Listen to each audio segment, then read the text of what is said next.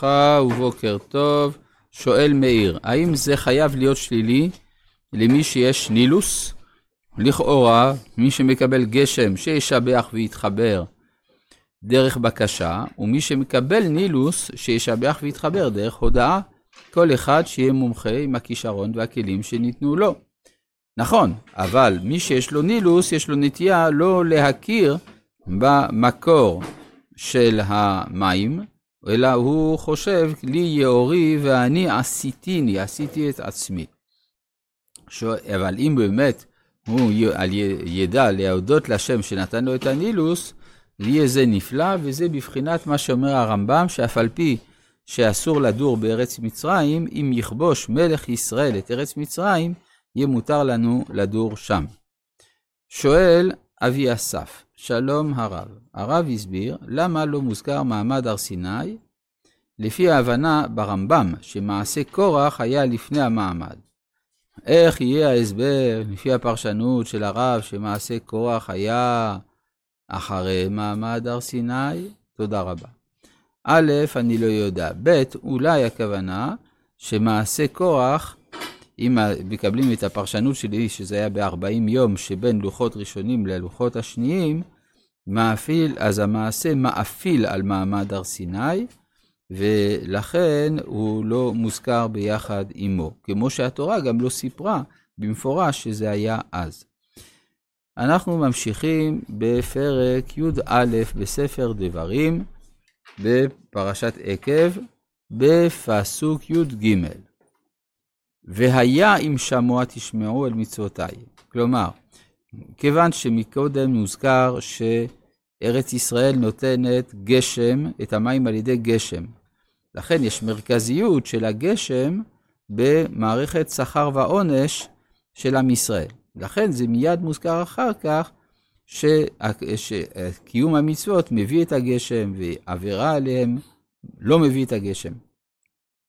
והיה אם שמוע תשמעו על מצוותיי אשר אנוכי מצווה אתכם היום, אז לעומת מה שנאמר בפרשה הראשונה של קריאת שמע, שמע ישראל.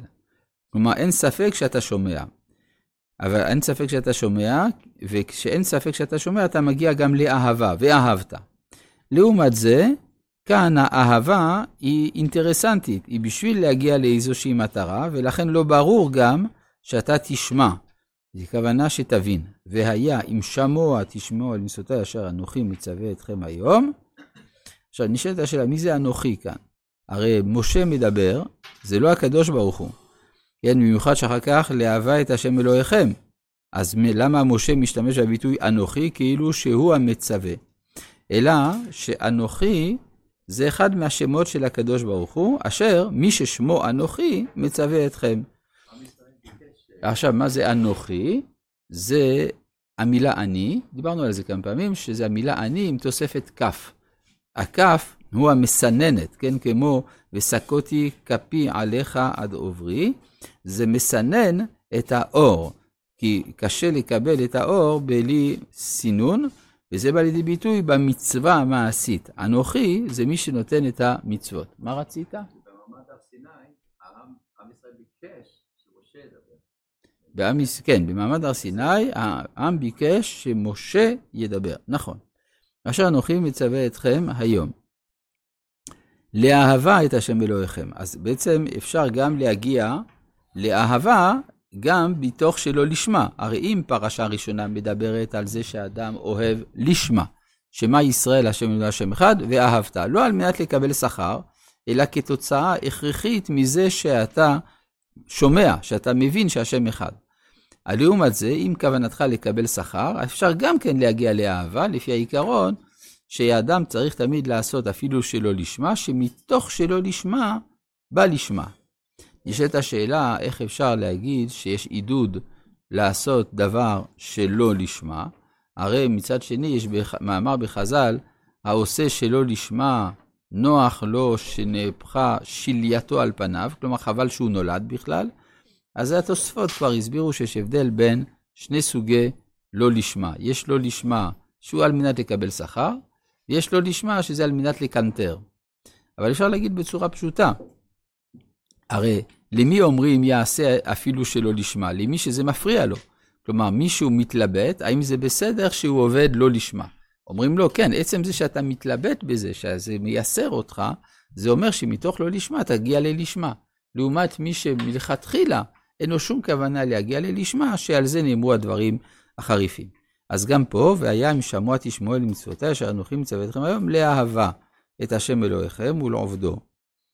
בכל לבבכם ובכל נפשכם. אז כאן יש פה להעיר, מה זה אה, לשון רבים, בכל לבבכם ובכל נפשכם, בעוד שבפרשה ראשונה נאמר, בכל לבבך ובכל נפשך. גם שם כתוב שמע, לשון יחיד, שמוע תשמעו, לשון רבים. מסביר רבי חיים וולוז'ין שיש הבדל בין ההנהגה של יחידי סגולה, שלפעמים זה רק אחד בדור, לבין ההנהגה של הרבים. הנהגת הרבים לא יכולה להיות לגמרי לשמה. לכן זה לשון רבים. לעומת זה, היחיד, הוא כן יכול להגיע ללשמה, ולכן יש גם הבדל בתוצאה. כאן זה בכל לבבכם ובכל נפשכם, ולא כתוב בכל מאודיכם, כמו שכתוב בכל מאודיך בפרשה הראשונה, אם כן יש פה הבדל, אלא שבכל מאודיך, אחד הפירושים אמרו חכמים, בכל ממונך.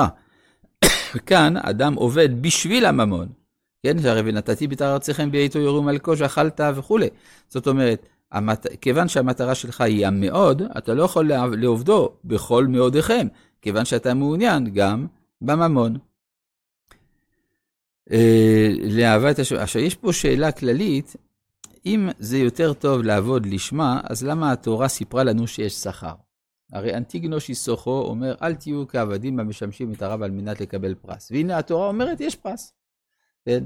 אז כפי שהסברנו, יש פרס לשם שמיים. שאדם יקבל את הפרס כדי לעשות רצון השם שנתן לו את הפרס. לא מצד שהוא אוהב את הפרס, זה לא המוטיבציה. המוטיבציה היא לעשות רצון השם.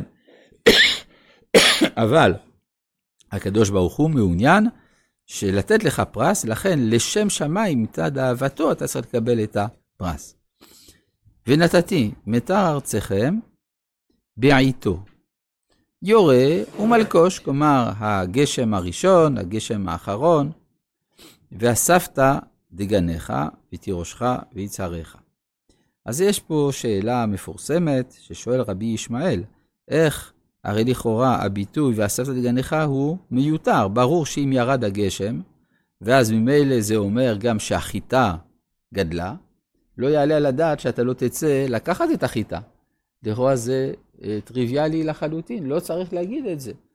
אלא שהיה אפשר לחשוב שמכיוון שנאמר, והגית בו, לא ימוש ספר התורה הזה מפיך, והגית בו יומם ולילה, יכול דברים ככתבן, כלומר שאדם צריך לא רק להתפלל שירד הגשם, אלא לצפות שתבואנה הלחמניות אל שולחנו כשהוא לומד תורה, על זה נאמר, לא, הנהג בהן מנהג דרך ארץ, ואספת דגניך.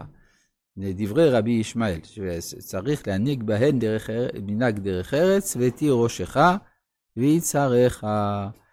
ונתתי עשב בשדך לבהמתך, ואכלת ושבעת. עכשיו, רבי, זה רבי ישמעאל. רבי שמעון בר יוחאי אומר, לא, ואספת דגניך זה כשאינם עושים רצונו של מקום. ואילו בש... בשעה שעושים רצונו של מקום, נאמר, ועמדו זרים וראו צונכם. טוב, שואל רבי חיים מוולוז'ין, איך יכול להיות ש"ואספת לגניך" זה יהיה כשאינם עושים רצונו של מקום? הרי פה נאמר, אם שמוע תשמעו, אלא הכוונה שאינם עושים לגמרי רצונו של מקום, כי הרי, כי הרי הוא, הוא, הוא עובד על מנת לקבל פרס. אבל לא שבאמת שהוא עובר על רצונו של מקום, כן? ואספת לגניך ותיושך ויצהריך, ונתתי עשב בשדך לבהמתך.